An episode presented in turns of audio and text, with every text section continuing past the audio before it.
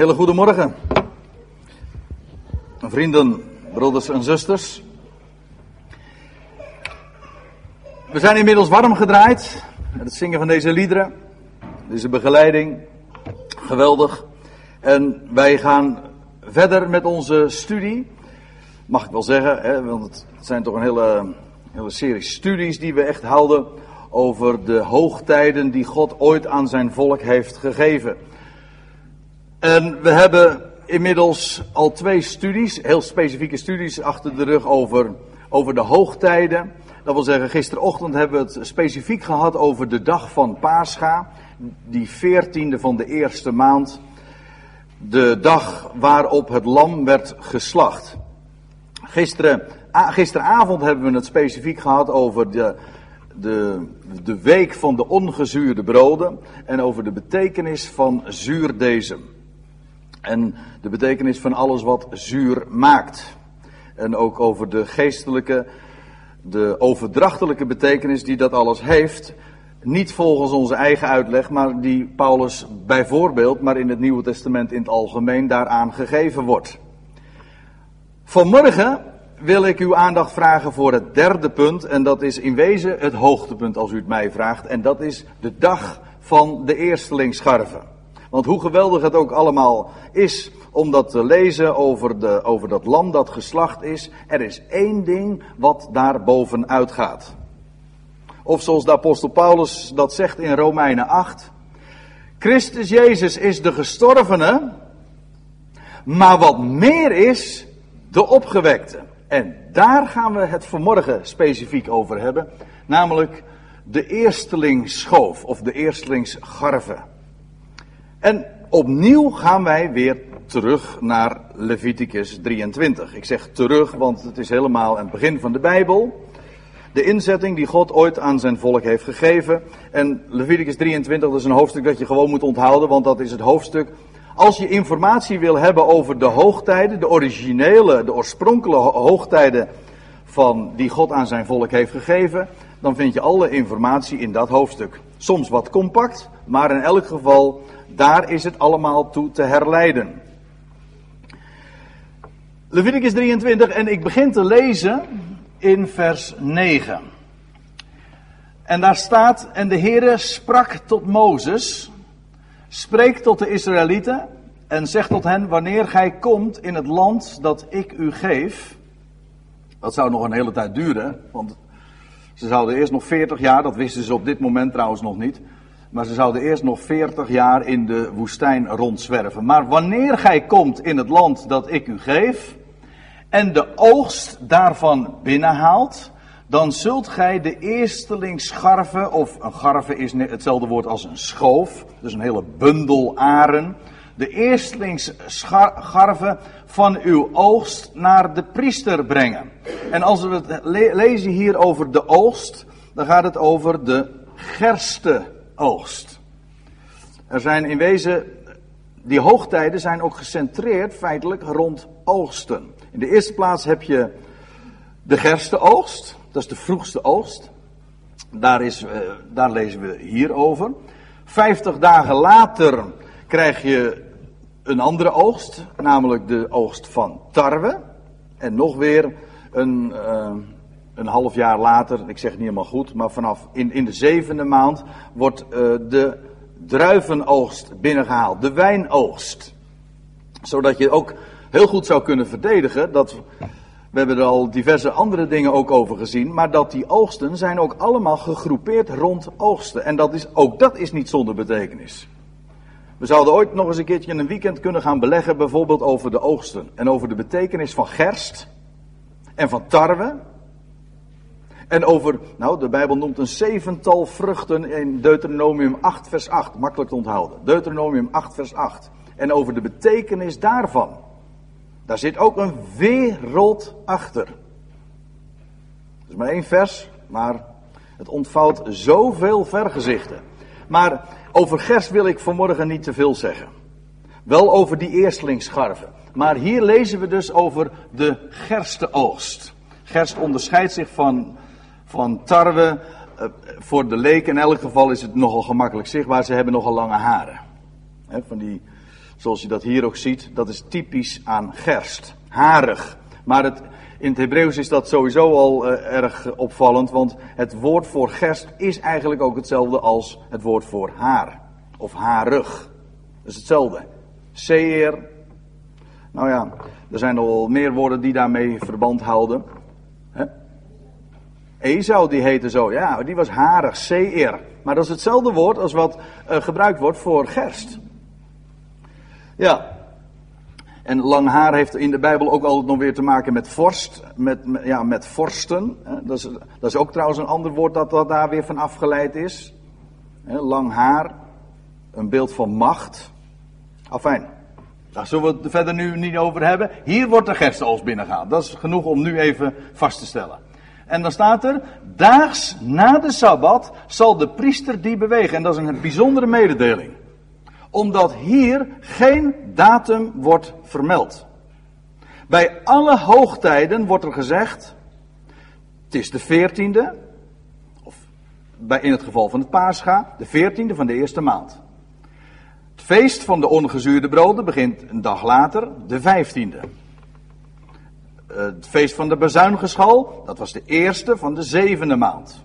Yom Kippur, de verzondag, de tiende van de zevende maand. Loofhuttenfeest, de vijftiende begint dat van de zevende maand. Data worden eraan gekoppeld, hier niet. Ja, het wordt gekoppeld aan het Pesachfeest, maar er wordt er geen dag verder meer genoemd, of een datum moet ik zeggen, maar er wordt een weekdag genoemd. Daags na de Sabbat zal de priester die bewegen. Dus in tegenstelling tot andere hoogtijden wordt hier geen datum, maar een weekdag genoemd. Ik kom daar straks nog op terug. En hij, dat is dus de priester die die eerstlings schoof heeft, aan wie dat gegeven wordt, en hij zal de garven voor het aangezicht des Heren bewegen, een zwingende priester dus. Die priester die beweegt die, die garven opdat gij welgevallig zijt. Ik beloof u, ik kom er straks nog even op terug. Ik lees eerst nog een paar versen verder, want er is nog, nog wat meer over te melden. Want dan staat er in vers 15 van Leviticus 23, want daar zijn we nog steeds.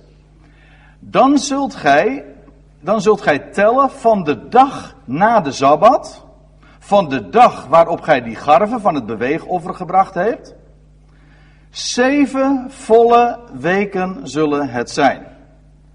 Tot de dag na de zevende Sabbat, zult gij tellen, vijftig dagen, en dan zult gij een nieuw spijsoffer de Heere brengen. En dan zijn we inmiddels beland in het Pinksterfeest. Ook hier, dan wordt er trouwens ook geen datum vernoemd, genoemd, maar dat komt omdat het Pinksterfeest direct gekoppeld is aan de, aan die dag van de eerstelingsgarven. Dat zou zijn de dag na de Sabbat. En daarom moest men ook gaan tellen. Kijk, als je een datum gewoon gefixeerd had, dan hoef je helemaal niet te tellen verder meer. Maar nu moest er geteld worden, omdat men moest tellen vanaf dus de dag waarop gij de garven van het beweegoffer gebracht hebt. Dat is dus dag, daags na de Sabbat. En dan zeven volle Sabbatten, dan moest men ja, zeven Sabbatten gaan tellen. Zeven keer zeven. 49 dagen uh, moest men dan tellen. 49 vind je heel vaak in de Bijbel. Men moest 49 jaar tellen. En ik ken hier een stel dat hier vandaag. Nee, ja, die, die vragen zich natuurlijk nu af hoe ik daaraan kom. Maar ja, ik heb me zo mijn informatiekanalen. Hè, die 49 jaar getrouwd zijn. Van harte gefeliciteerd overigens. Ja. 7 maal 7. Een volheid. En na die volheid krijg je dan de vijftigste. En dat is dan in dit geval de Pinksterdag. En als je in termen van jaren denkt, dan krijg je het jubeljaar. Afijn, daar zit uh, ook weer een heleboel aan vast. Nu is het voldoende om te vermelden dat dus vanaf die dag van, de, van die eerstlingsscharven, dat is dus de, dus de dag na de Sabbat, in de week dus van Pesach in de praktijk, in de week van Pesach, daags na de Sabbat, datum wordt niet genoemd, maar daags na de Sabbat zou men dat offer, zou, zou men die garven, die schoof, die, eerstelingen van, die eersteling van de oogst, zou men voor het aangezicht van de Heer bewegen. En dan zou er een periode aanbreken van ja, van, van sabbatentelling. Nog eventjes uh, resumeren, dus samenvatten. De veertiende van de maand had je het paascha. En daags na de Sabbat, de dag van de eerstelingsschoof. We hebben gezien, dit is exact in vervulling gegaan. De veertiende dag van het paascha is de Heer Jezus gekruisigd. En we hebben zelfs gisteren nog vastgesteld, niet alleen op de dag nauwkeurig, maar zelfs nog op het uur nauwkeurig. Gaf hij zijn leven. En daags na de Sabbat zou, dan zou de eerstelingsschoof voor het aangezicht des Heren bewogen worden. Wat je dus ziet, is dat er die dag van de eerstelingsscharven, dus daags na de Sabbat, dan wordt er vervolgens vanaf die dag zeven Sabbatten geteld. En na de zevende Sabbat, dus na die 49ste dag, krijg je dus de vijftigste dag en dat is Pinksteren. En dat betekent ook gewoon vijftigste. Zodat die hele periode de periode is van de Sabbattentelling. Deze hele periode wordt gekenmerkt door het tellen van Sabbatten. Vandaar ook dat het gewoon een, genoemd wordt een Sabbattenperiode. Ik uh, had u al eerder eventjes attent gemaakt op uh, Wikipedia.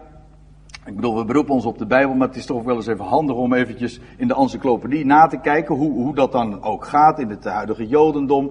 Uh, de dag van de eerstelingsscharf, dan begint ook de Omertelling. En ik zal u het voorlezen wat er in Wikipedia, de, de internet-encyclopedie staat.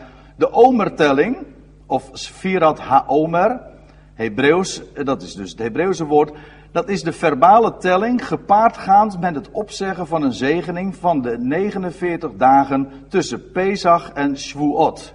Shavuot betekent wekenfeest, bij ons bekend als het Pinksteren. Ja.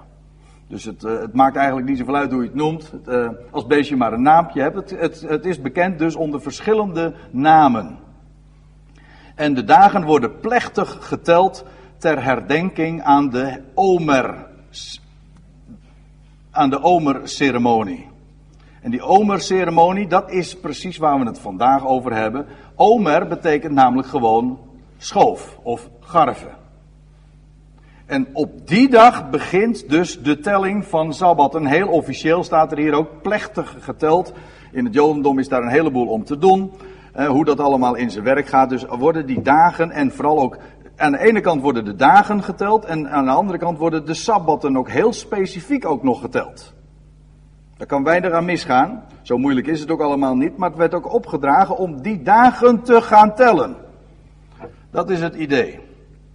Nou, dan gaan we eens naar de evangelie toe. Tot dusver hebben we gezien hoe dat in Leviticus 23 door de Heere God zelf aan zijn volk wordt bekendgemaakt. Bij de uittocht uit Egypte, of beter gezegd later op de berg Sinai, maakt God deze dingen bekend en dan geeft hij de kalender, zijn hoogtijden, de hoogtijden des Heer. Ik zet er nog eens een dikke streep onder. Zijn zijn hoogtijden. Hij heeft zijn dagen, zijn hoogtijden vastgesteld. Op voorhand. Zodat daarmee ook gezegd is wat de data zijn, de dagen die voor hem van belang zijn. En alles wijst vooruit naar Hem die zou komen en die de vervulling zou zijn van al Gods woorden, van Zijn beloften. En ik heb u ook gisteren verteld dat die dagen, die eerste groep van feesten, hoogtijden, allemaal exact zijn vervulling hebben gekregen in de eerste komst van Christus. Zoals die tweede groep van feesten en hoogtijden nog hun vervulling zullen vinden in wat wij nu inmiddels mogen noemen de nabije toekomst. Goed, we zijn nu inmiddels in de Evangelie aangekomen. En dan lees je, ik noem maar wat hoor, want je vindt het in Matthäus, Marcus, Lucas, terug, in Johannes ook. In alle Evangelie, eh, de grote nadruk ligt toch het eindpunt van de Evangelie, beschrijvingen van alle vier de evangelisten. Hoezeer zij ook verschillen, het grote, de grote climax is zonder enige twijfel de dag dat de Heer Jezus Christus opstond uit de doden. En al het andere is eigenlijk voorgeschiedenis. De inleiding, de introductie. Maar de dag Waarop alles anders werd. De grote omwenteling, de grote revolutie vond op die dag plaats. Je leest nog in aan het einde van Lu, uh, Lucas 23, ja, niet Leviticus 23, maar Lucas 23, dan staat er, en op de Sabbat rusten zij, het gaat hier over de vrouwen, die allerlei prepara, uh, praat, zeg maar, preparaten hadden gemaakt voor, om, om, om het lichaam, ook de, de, de gemummificeerde lichaam van, van Jezus, te bereiden. En dan lees je, en op de Sabbat rusten zij naar het gebod. Als we dat trouwens nalezen in Matthäus 28, vers 1. Ja, u, hoeft het nou, u, kunt het opzoeken in uw Bijbeltje, maar ik kan u nu alvast verklappen dat voor verreweg de meeste van u is het niet te traceren. Dat is een beetje een lastig verhaal natuurlijk voor mij, want ja, ik wil graag de dingen onder bewijs stellen. Maar ik kan u op een briefje geven dat letterlijk staat in Matthäus 28, vers 1, dat het niet één Sabbat was die er voorbij gegaan waren, maar twee. Er wordt namelijk een meervoud gebruikt. Na de Sabbatten. Nogmaals, in de vertaling komt het niet uit de verf. Maar er staat echt dat er Sabbatten aan vooraf gegaan waren. Meerdere. Hoe dat zit, dat, dat wil ik straks laten zien. Maar ik lees nu nog eventjes verder in, in, uh, Lucas 23. Maar inmiddels zijn we het 56e vers is het laatste vers van uh, Lucas 23 en dan lezen we door. Maar, dus aan de ene kant, op de Sabbat rusten zij naar het gebod. In, uh, of naar de Sabbatten, want dat is namelijk ook nog het, uh, het geval. En dan staat er, maar op de eerste dag der week gingen zij reeds vroeg in de morgenstond met de specerijen die zij gereed gemaakt hadden naar het graf. Op de Sabbat rusten zij naar het gebod, maar nu was de Sabbat voorbij. En dan staat er maar op de eerste dag van de week. Maar ik moet u er meteen bij vertellen. Dat staat, zo staat het niet in de, in, in de originele schriften. De eerste dag der week staat er niet.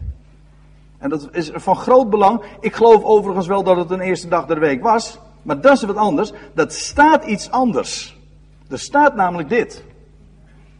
Op één en dan moet er uh, bij gezegd worden, dag van de Sabbatten. Hoe dat dan weer zit, dat is een beetje.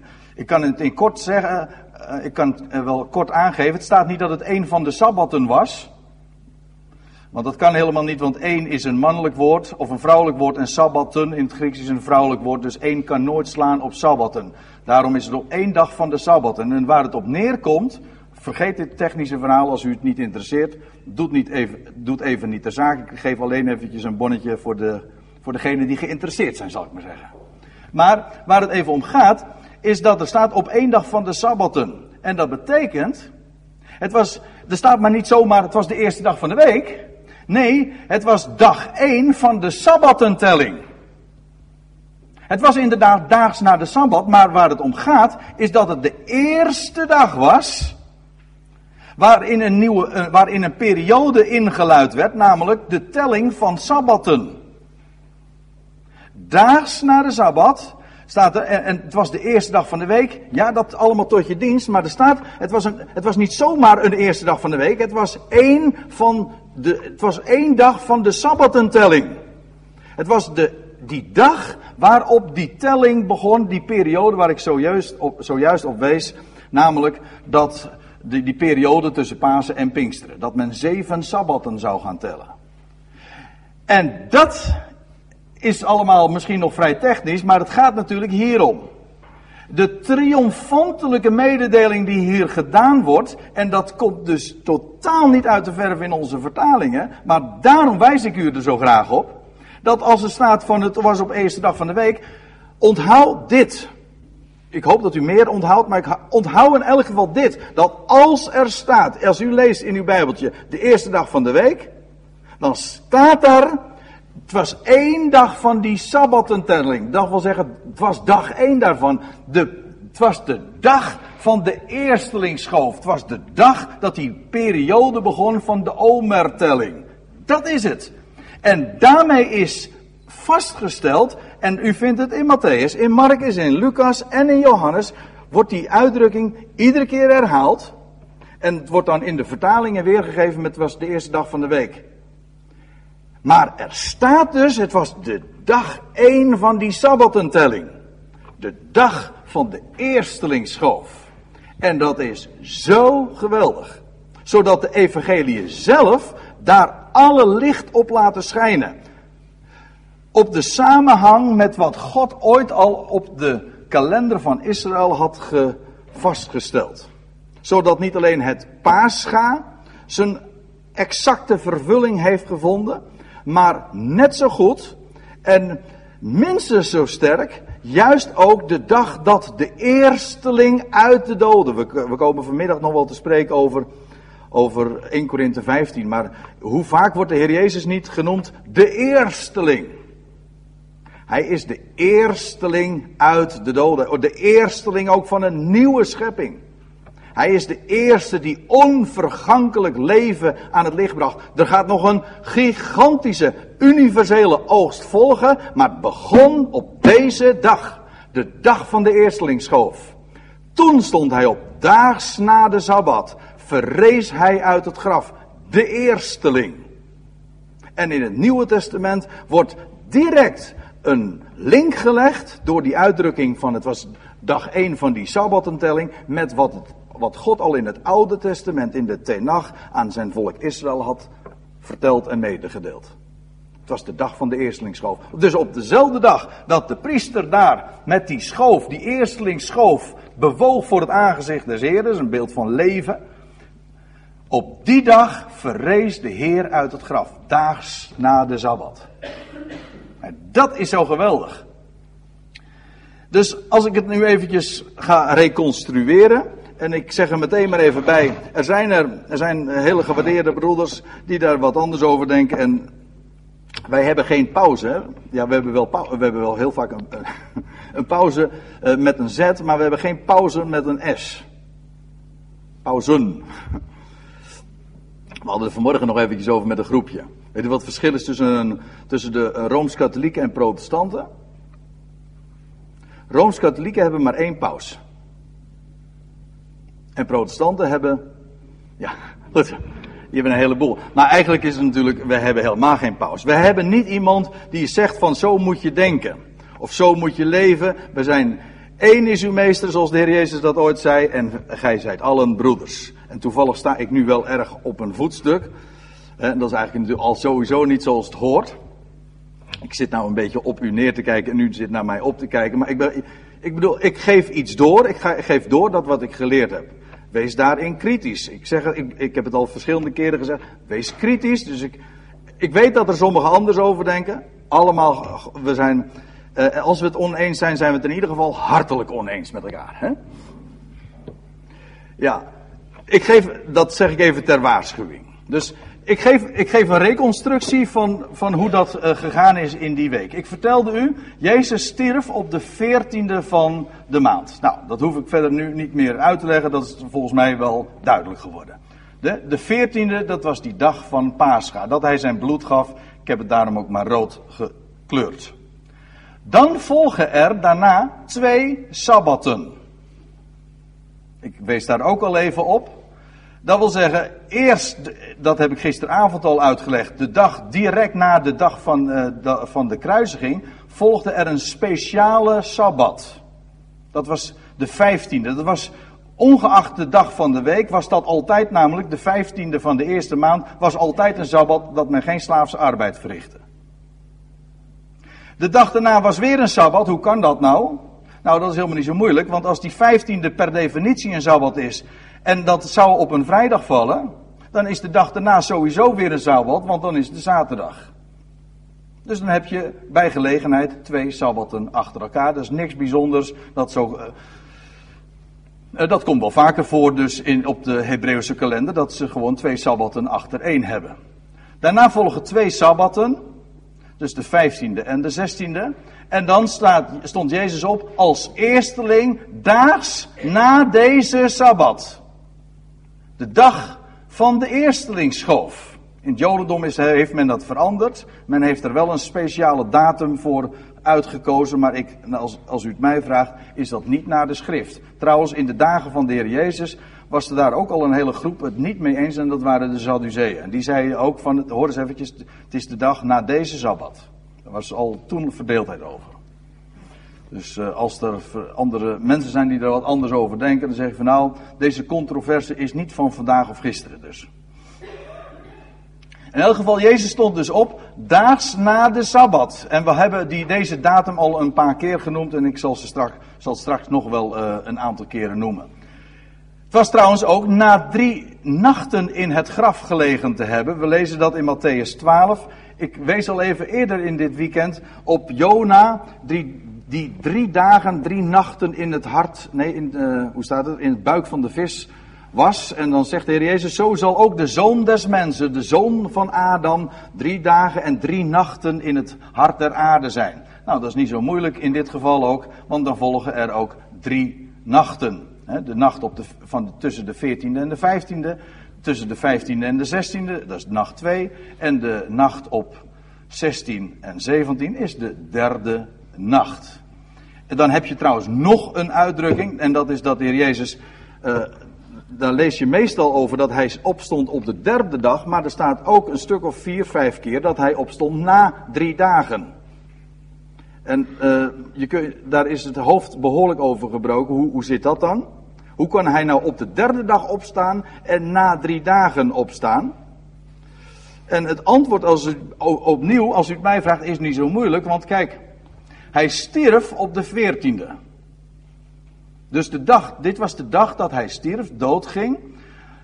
Dan is dit de eerste dag. De vijftiende de tweede dag. De zestiende de derde dag. En na drie dagen stond hij op. Dat wil zeggen, na drie dagen dood geweest te zijn. Een deel van de veertiende, vijftiende, de zestiende. Maar hij werd begraven aan het einde van de veertiende. Dat wil zeggen, je leest in de avondschemering, de dag van de veertiende was reeds voorbij. In de avondschemering, zodat deze dag dan niet meer geteld wordt als je rekent de dagen dat hij in het graf gelegen heeft. Dit was de dag dat hij stierf. Maar het is niet meer de dag dat hij in het graf lag. Dit is de eerste dag dat hij in het graf lag. En dan krijg je dus de vijftiende is de eerste dag in het graf. De zestiende is de tweede dag in het graf. En dan stond hij op des morgens, vroeg in de, in de morgen, stond hij op. En dat is de derde dag. Zodat daarmee ook nog verklaard is het verschil tussen enerzijds dat hij ten derde dagen opstond, maar ook dat hij na drie dagen opstond. Het hangt er namelijk vanaf waar je vanaf uh, je begint te rekenen. De dagen dat hij dood was of de dagen dat hij in het graf lag. Ik geef toe, het is wat technisch, maar ik, ik geef het u zo door. Maar wat ik u ook daarmee wil laten zien, is dat alles dus perfect, als u het mij vraagt, klopt. Dat is nou zo geweldig aan het woord van God. Ik zeg niet dat het het mooiste is van het woord van God, maar het woord van God wijst op zulke geweldige vergezichten en, en op diepgaande betekenissen, maar de dingen hangen samen. Ze zijn gefundeerd. God, God levert zelf de bonnetjes erbij. En het is precies zoals hij zegt. Is logisch, het is consistent, het, is, het heeft samenhang. Je hebt, je hebt grond onder de voeten. We praten niet over een vaag idee. Een heleboel mensen, ook wordt dat in, in, in de christenheid zo vaak op zoveel plaatsen dan verteld van ja, Jezus is opgestaan, dat is een vaag idee. En eh, mensen hebben er geen enkele concrete voorstelling van. En dan, en dan, ja, dan kun je het zelfs zo, uh, zo gaan vertellen van ja, dat Jezus is opgestaan betekent eigenlijk gewoon dat hij niet echt is doodgegaan, maar betekent gewoon dat hij voortleeft in de, in de harten van zijn volgelingen. Hij heeft zoveel impact gehad met zijn woorden en, en dat, is, en dat leeft nog al. In die zin leeft hij nog voort. Maar dan zeg ik met de apostel Paulus, indien Christus niet is opgewekt, dan is, uw, dan is onze prediking ijdel en dan is ook ijdel ons geloof. Dan is het hele hart van de boodschap verdwenen. Wij geloven niet in een mooi verhaal, niet in een Jezus die 2000 jaar geleden leefde en die nu voortleeft in onze harten. Ja, hij leeft voort in onze harten. Ja, waarom? Omdat hij is opgestaan uit de doden. Vroeger, ik was ooit een keertje in Amerika. In, um, en op een, ook een bijbelconferentie, oh, een bijbelconferentie en toen zongen we een prachtig lied. Iedere keer. En, dat, en toen ging de tekst zo. You ask me how I know he lives. En dan was het antwoord. He lives within my heart. En zo is het. Je vraagt me hoe, hoe ik weet dat hij leeft. Wel, hij leeft in mijn hart. Waarom? Wel, dat woord heeft mij ervan overtuigd. Hij stond op. Werkelijk. Want hij is God en hij heeft zijn zoon opgewekt uit de doden. Als de eersteling. De garantie voor de rest van deze schepping. Kijk, dat is evangelie. Dat is een bericht. Dat is een mededeling. Het is geen verhaal. Het is geen moraal. Geen filosofie. Het is een feit. Het is een bericht. En daarom praten we ook gewoon concreet over. Eh, dan tellen we nachten en dan tellen we dagen en we, we leggen de kalender erbij. En zeggen we, waarachtig zeg, geweldig. Wie heeft dat verzonnen? En dan doen we. Ja, dat komt gewoon uit, uit, uit, uit het hart en, en, en, en het brein, als ik het zo mag zeggen, van God zelf. Alleen Hij heeft het zo bedacht en gemaakt. En nou komen we op nog iets natuurlijk, hè? want ja, we hebben die nou, want we gaan nu de boel even bij elkaar nog rapen. Hè? We gaan de schoven bij elkaar brengen, hè? aren lezen. Want we hadden al eerder gezien van die 17e Nissan of 17 Aviv, die, ik zei u al, die, die maand die heeft twee verschillende namen. Het is de 17e van de eerste maand, Aviv, lente. Het was ook de dag, dat hadden we al eerder gezien, het was ook de dag dat de ark vaste grond kreeg. Maar we hadden nog iets gezien, het was de dag van Jezus besnijdenis. Voor degenen die hier nu vanmorgen alleen maar zijn, die uh, zeg ik misschien wat al, te veel om. Ja, daar hebben we het eerder dit weekend over gehad, dus dat ga ik nu allemaal niet uitleggen.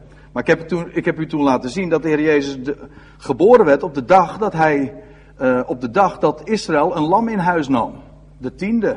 En dat betekent dus dat hij acht dagen later, of de, acht, hè, de achtste dag, besneden werd. Maar als je tel het maar door, dat was dus de zeventiende. Dezelfde dag dat hij later, 33 jaar later, op zou staan uit de doden. Waarbij ik moet zeggen dat besnijdenis nog weer alles te maken heeft met opstanding.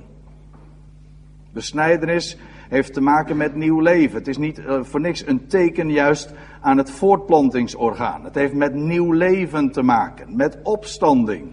God belooft aan Abraham, aan, aan een Abraham die, eh, van wie we lezen dat hij verstorven was, zijn vrouw was verstorven, maar aan Abraham werd zaad beloofd. Nieuw leven en God heeft als het ware in dat dode lichaam van Adam, pardon, van Abraham, heeft hij nieuw leven voortgebracht. En toen God die belofte had gegeven, toen had hij ook een teken gegeven van die belofte. Dat is dit teken. Van de besnijdenis. Besnijdenis is eigenlijk niks anders dan het, het zegel dat God geeft van de belofte dat Hij leven uit de dood voortbrengt. Daar heeft besnijdenis mee te maken. Ik denk dat ik nu maar snel moet stoppen, want ik, ik, ik, merk dat ik de verleiding nu moet weerstaan om er meer over te vertellen, want die besnijdenis, daar zit nog zoveel meer aan. En wat daar bij, feitelijk bij gebeurt. Maar zo schitterend, dat is zo geweldig. Maar wat ik zo, daarbij zo geweldig vind, is dat de Heer Jezus dan op de achtste dag besneden wordt. Maar het was dezelfde dag.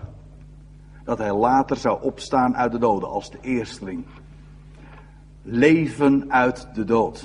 Dat is de Bijbelse boodschap. De hele samen, je kan de hele Bijbelse boodschap daarin samenvatten. Dat we een levende God kennen die de dood overwint, die leven voortbrengt uit de dood. En wie was de eerste? Wie bracht dat alles aan, licht, aan het licht? Dat is onze Heer Jezus Christus. De eersteling.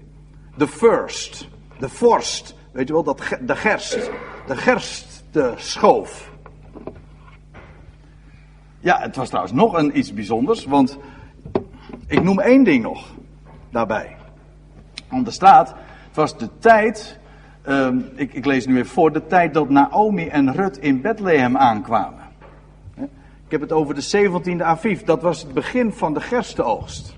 Het officiële begin van de gerstenoogst, dat is, de, dat is die 17e Aviv dus, of in dit geval uh, de dag na de Sabbat. En je leest in Rut 2, nou ja, aan het einde van Rut 1. Dan staat er, en zij en Naomi, dat was zij, dat is Naomi en Rut, kwamen te Bethlehem aan in het begin van de gerstenoogst. En ik, ik roep u even in herinnering die geschiedenis, voor zover u die kent natuurlijk, anders kan ik niet in herinnering roepen ook.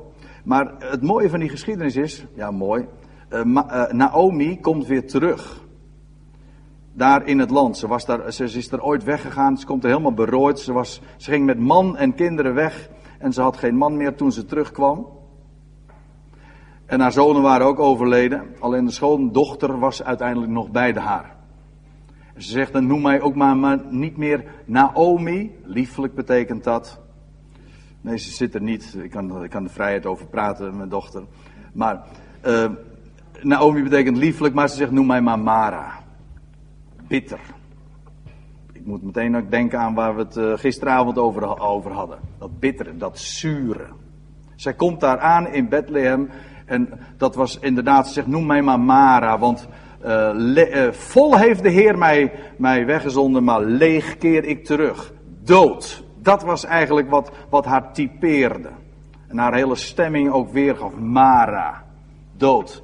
Maar dan staat er zo prachtig bij, het was het begin van de gerstenoogst. En dat is zo'n fantastische mededeling van hoop. dit is ook de omkering in de geschiedenis. Genesis, of Rut 1 is, is een, is, beschrijft hoe, hoe, ja, hoe Rut of Naomi berooid raakt en een weduwe en tenslotte zelfs kinderloos. En, en, maar het was het begin van de gerstenoogst. En wat er, wat er bij het begin van de gerstenoogst gebeurt, dat is, Naomi nu had een bloedverwant, staat er, van haar manskant, een zeer vermogend man uit het geslacht van Elimelech, Boas geheten. Bekende naam in onze familie allemaal. Maar die, Bo ja, en die Boas, dat is die man van Bethlehem. De latere, de voorvader trouwens van David. En uiteraard daarmee ook de voorvader van de Heer Jezus Christus. Hij kwam uit Bethlehem. Een zeer vermogend man. Een man die daarom ook in staat was om hen te lossen. Een zeer vermogend man. Nou, ik ken een andere vermogende man uit Bethlehem. Die ook gekenmerkt wordt door kracht, omdat hij de eersteling is uit de doden. Hij heet Boas, maar Boas betekent niks anders dan in hem is kracht. En dit is de omkering in de geschiedenis. Aan het begin van de gerstenoogst. Dan komen zij, terwijl ze gekarakteriseerd worden door dood en, en allemaal ellende achter de rug hebben, komen ze in, in, in Bethlehem, in het broodhuis, jazeker. En dan komen ze in aanraking met die vermogende man van Bethlehem. Of, ja, de vermogende man daar in Bethlehem. En, en het was bovendien nog een bloedverwant ook. Nou ja, uh, om een lang verhaal kort te maken, we gaan het nu niet verder over Rut hebben. Ik wil er alleen even op wijzen dat het het begin van de gerstenoogst was. Dat vind ik zo mooi. Het was het begin van de gerstenoogst. En ook opnieuw worden we bij deze bepaald bij de eerstelingsscharven. Bij hem die dus opstond uit de doden als eersteling. Nou, en dan eh, gaan we toch weer eventjes terug naar Leviticus 23, want ik heb een aantal dingen nog niet genoemd. Nou, ik heb, het meeste heb ik niet genoemd natuurlijk, maar goed. Dingen waarvan ik toch eventjes nog een melding wil maken.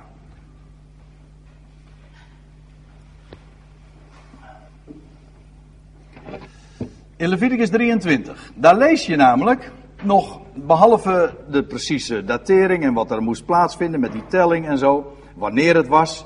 Maar er worden ook een aantal dingen gezegd wat er moest gebeuren op die dag van die eerstelingsscharven. En dan staat er in vers 11 van Leviticus 23, en hij, dat is de priester, die zal de schoof, die garven, voor het aangezicht des Heren bewegen. En ik gaf het zojuist al eventjes in, in een hint aan. Bewegen is eigenlijk gewoon niks anders dan een uitbeelding van leven. Dat geldt voor een heleboel dingen. Kijk, levend water. Wat is, waarom is het levend water? Wel omdat het water is dat stroomt. Het is bewegend. En als die priester daar die, die schoof, de, die eersteling van de oogst, beweegt, dan is daarmee uitgebeeld die schoof, dat is, dat beeld leven uit. Dat bruisende, dat is namelijk typerend voor iets wat leeft. Daar gaat het om. Zodat in dat ritueel, in die ceremonie van dat bewegen, uitgedrukt wordt dat het de eersteling betreft. Het was daags na de Sabbat, maar het, het beeld leven uit. Uh, ik lees even verder en er staat er prachtig bij. Opdat gij welgevallig zijt wordt tegen Israël gezegd. De priester zal die eerstlingsschoof bewegen opdat gij welgevallig zijt. En weet u waar ik dan aan moet denken? Om maar wat te noemen. Efeze 1 vers 6. Dan wordt het van ons ook gezegd. Dat wij zijn begenadigd, of zoals andere vertalingen zeggen, aangenaam gemaakt in de geliefde. In hem die als eersteling verrees uit de doden. En waarom zijn wij, we hebben het er al vaker over gehad, ook deze dagen. Waarom zijn wij volmaakt? Waarom zijn wij rechtvaardig? Waarom ziet God ons aan in Christus? Wel omdat Hij is opgestaan en God ziet in Hem al ons, ons, wij als uitgeroepenen, wij die nu al deze dingen mogen weten, tot erkenning van deze dingen gekomen zijn, omdat Hij ons riep en heeft uitgekozen. Dat is niks anders dan een geweldig voorrecht natuurlijk. Wij zijn, God ziet ons aan in Hem. Maar de hele schepping is in Hem ook begrepen. God ziet in Christus de hele schepping, want Hij is de eerste ding. De rest volgt nog. Hij staat eigenlijk model voor wat nog gaat komen. Zoals wij allemaal zondaren en stervelingen zijn in Adam, heeft, hem, heeft niks te maken met wat wij doen, of het heeft niks met onze acties te maken of wat wij nalaten. Het heeft helemaal niks te maken met, met, met iets van onszelf. Het, het, het zegt iets over onze afkomst. We zijn begrepen in Adam. Adam staat model voor de rest van de mensheid. Wel, we hebben het nu over de laatste Adam. Hem die verrees uit het graf, de eersteling. En wij zijn welgevallen. Het, de volmaaktheid van hem, dat is de volmaaktheid van ons. Wie zijn wij? Hoe ziet God ons? Wel, kijk naar de Heer Jezus Christus. Gaaf, onberispelijk, volmaakt. Zo ziet Hij ons. Opdat gij welgevallig zijt. Aangenaam gemaakt in de geliefde. Zo kijk ik naar, zo kijk ik naar mezelf. Als ik in de spiegel kijk, dan zou je zeggen van, nou, dan zie je toch weer andere dingen. Hè? Uh, u, mag niet lachen. Nee, mag je alleen maar van jezelf zeggen. Nee, begrijpt u? Die, die aangenaamheid, dat welgevallige, dat zit hem niet in jezelf. Dat zit hem in de glorie die afstraalt van hem op ons. Dat is het. En zo kijken we naar elkaar. En dan zie je ineens een hele, dan zie je ineens heel andere mensen. Dan zie je gewoon nieuwe mensen. Dan zie je geen oude mens meer. Oude mens heeft te maken met, met het verleden, met gisteren. Weet u wel? Dat, heeft, dat is de oude mens. De oude mens heeft te maken met het verleden, maar wij, wij zijn nieuw mens. Wij, God ziet ons aan niet in, in wat we waren, maar in wat we zullen zijn. Hij ziet ons, als het ware, al wat, naar wat we zullen zijn, onvergankelijk in de toekomst. Zo ziet hij ons nu al. Dus elkaar niet beoordelen op basis van het verleden, maar elkaar beoordelen op basis van de toekomst. Dat is andere koek. Ja, ongezuurde koek, ja. Een totaal andere benadering. Zodat je dus ook ineens, eh, je staat in diezelfde sterfelijke wereld en toch zie je ineens, je ziet heel andere dingen. Dat denk ik heel vaak trouwens hoor. We, kijken, we, lopen allemaal in dezelfde wereld rond, we kijken naar dezelfde mensen en toch, ik zie iets heel anders dan, dan, dan, uh, dan de mensen om me heen. Van de week hadden we, ditzelfde weekend hadden we het nog met een paar over, dat je van die, die, die 3D-plaatjes eh, kan zien. Hè?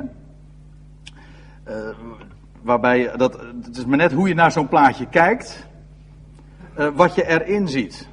En het valt niet uit te leggen, maar dat kunnen twee totaal verschillende dingen zijn.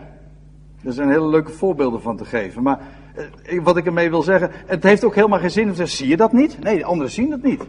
Totaal niet. Maar dat is, dat, dan, krijg, dan krijg je dus het fenomeen dat je naar dezelfde dingen kijkt en totaal verschillende dingen ziet.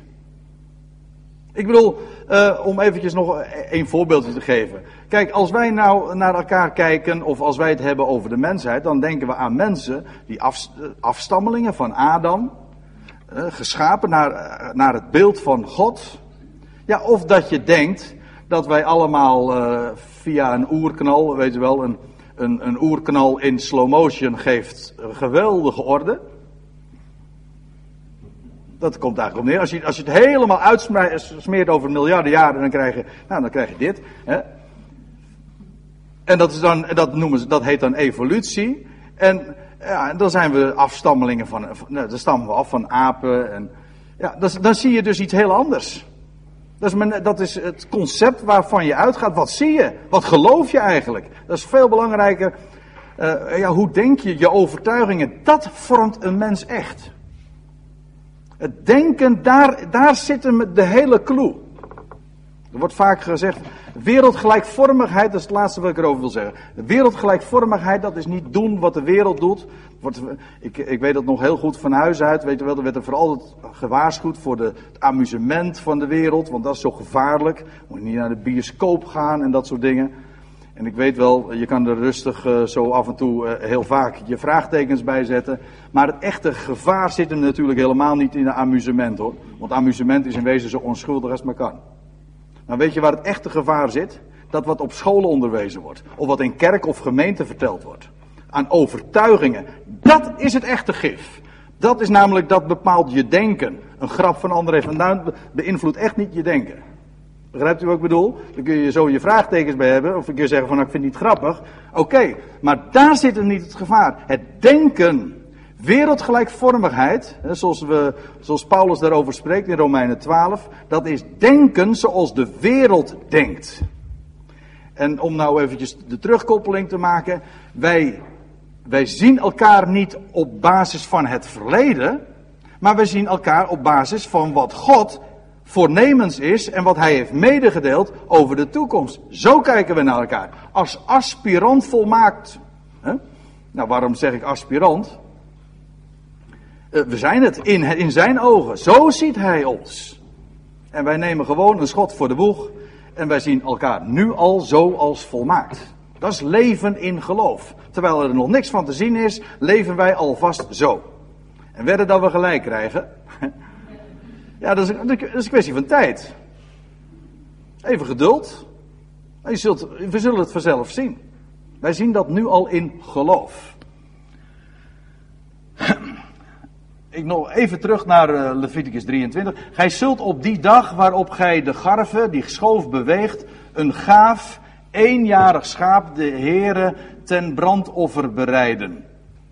Ja, en een brandoffer, ja, dat is uh, dat wat opstijgt na de slachting.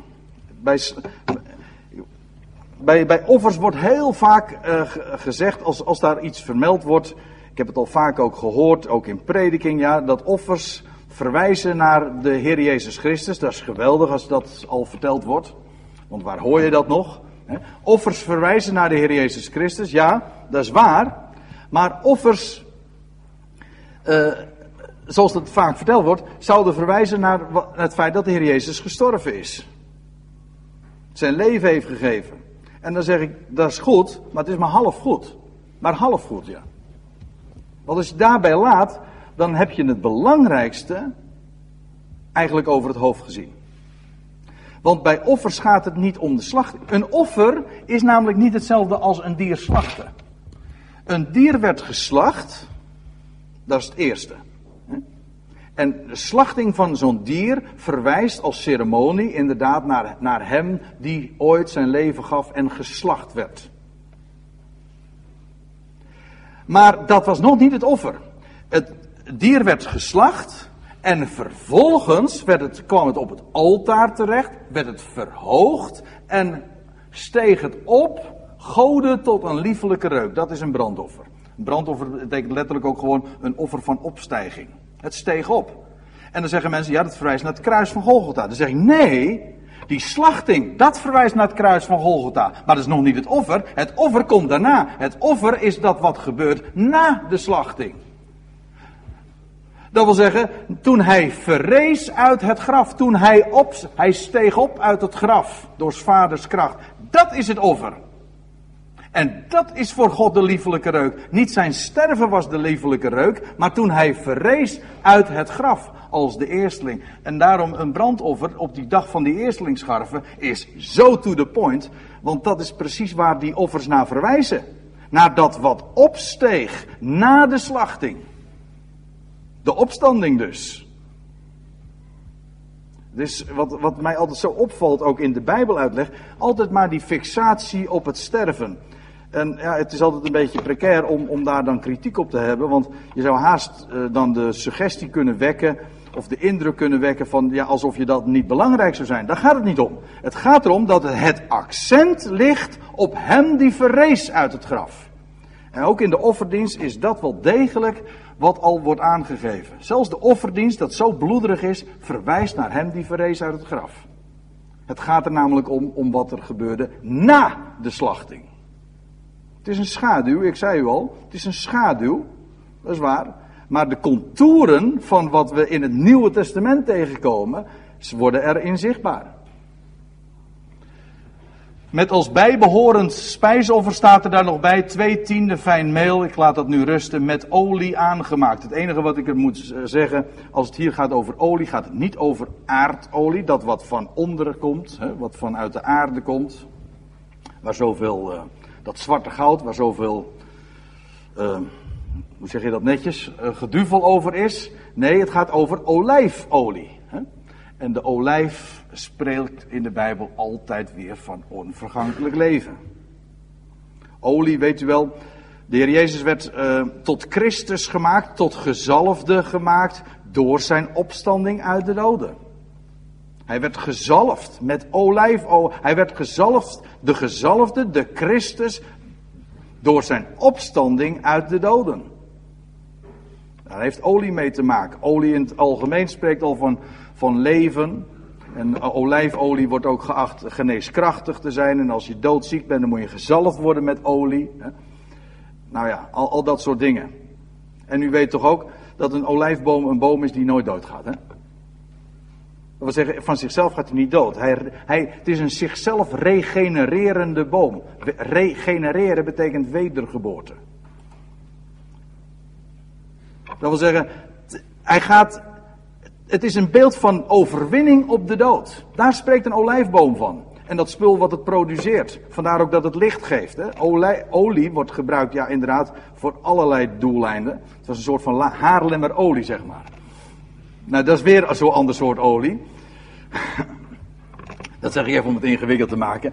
Maar het werd voor allerlei dingen gebruikt, maar het gaf licht. Dat spul wat ook gebruikt werd om, om licht te geven in het heiligdom, die zevenarmige kandelaren, weet u wel, dat was allemaal olie. Het licht des levens, zegt Johannes dan. Nou, wat ik maar wil zeggen is, ik, ik, wijs gewoon op de samenhang van al die, die ceremonieën die plaatsvonden op de dag van de eerstelingsscharven. Wel, uh, olie, ja, het is een beeld van onvergankelijk leven. En tenslotte, dat is dan echt het laatste, want ik zie ook dat ik uh, mijn tijd weer uh, dreig te overschrijden. ten vuuroffer tot een lieflijke reuk voor de Heer.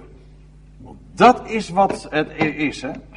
Een lieflijke reuk voor de Heer. De grote climax van heel de heilsgeschiedenis was toen hij op de dag na Sabbat verrees uit het graf. Dat was de lieflijke reuk.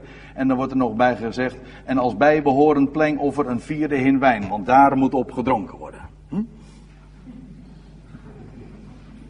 En dan zeggen we, legaim, op het leven. De Joden weten heel goed hoe het zit hoor op het leven, dan hef je het glas. Wijn, dat is dat, dat is dat geestrijke vocht dat uit de kelder komt, weet u wel? Geestrijk vocht, dat wat blij maakt. Het komt inderdaad van onder de aarde, hè, uit de kelder. Ik heb zo'n plaatje erbij gedaan. Van die eikenhouten vaten, er is, van die eikenhouten vaten waar dat wijn, waar die druivensap wordt inbewaard.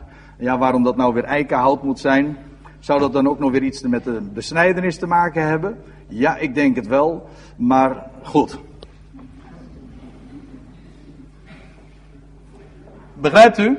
Ik wil maar zeggen, alles hangt dan toch weer met alles samen. Want die, dat, dat komt dan uit de kelder. He, er gaat druivensap in, dan komt het in zo'n kelder terecht en dan na verloop van tijd komt er geen druivensap eh, naar boven. Nee, er komt wijn uit en dat is geestrijk vocht. Dat is wat verblijdt. Op het leven spreekt allemaal van opstanding. En zo zie je dus dat alles wat er plaatsvond op die dag van de eerstelingsscharven, zoals God het had gegeven aan zijn volk, het spreekt, het bruist aan alle kanten van leven. En kan niet missen, het verwijst natuurlijk In alle opzichten, en ik heb u dat in elk geval getracht duidelijk te maken. Het getuigt van die grote dag. Die inmiddels achter ons ligt. 2000 jaar geleden toen hij het graf definitief als eersteling achterliet. Amen. Ik stel voor dat we daar een paar mooie liederen over gaan zingen. En daar zijn hele mooie liederen van.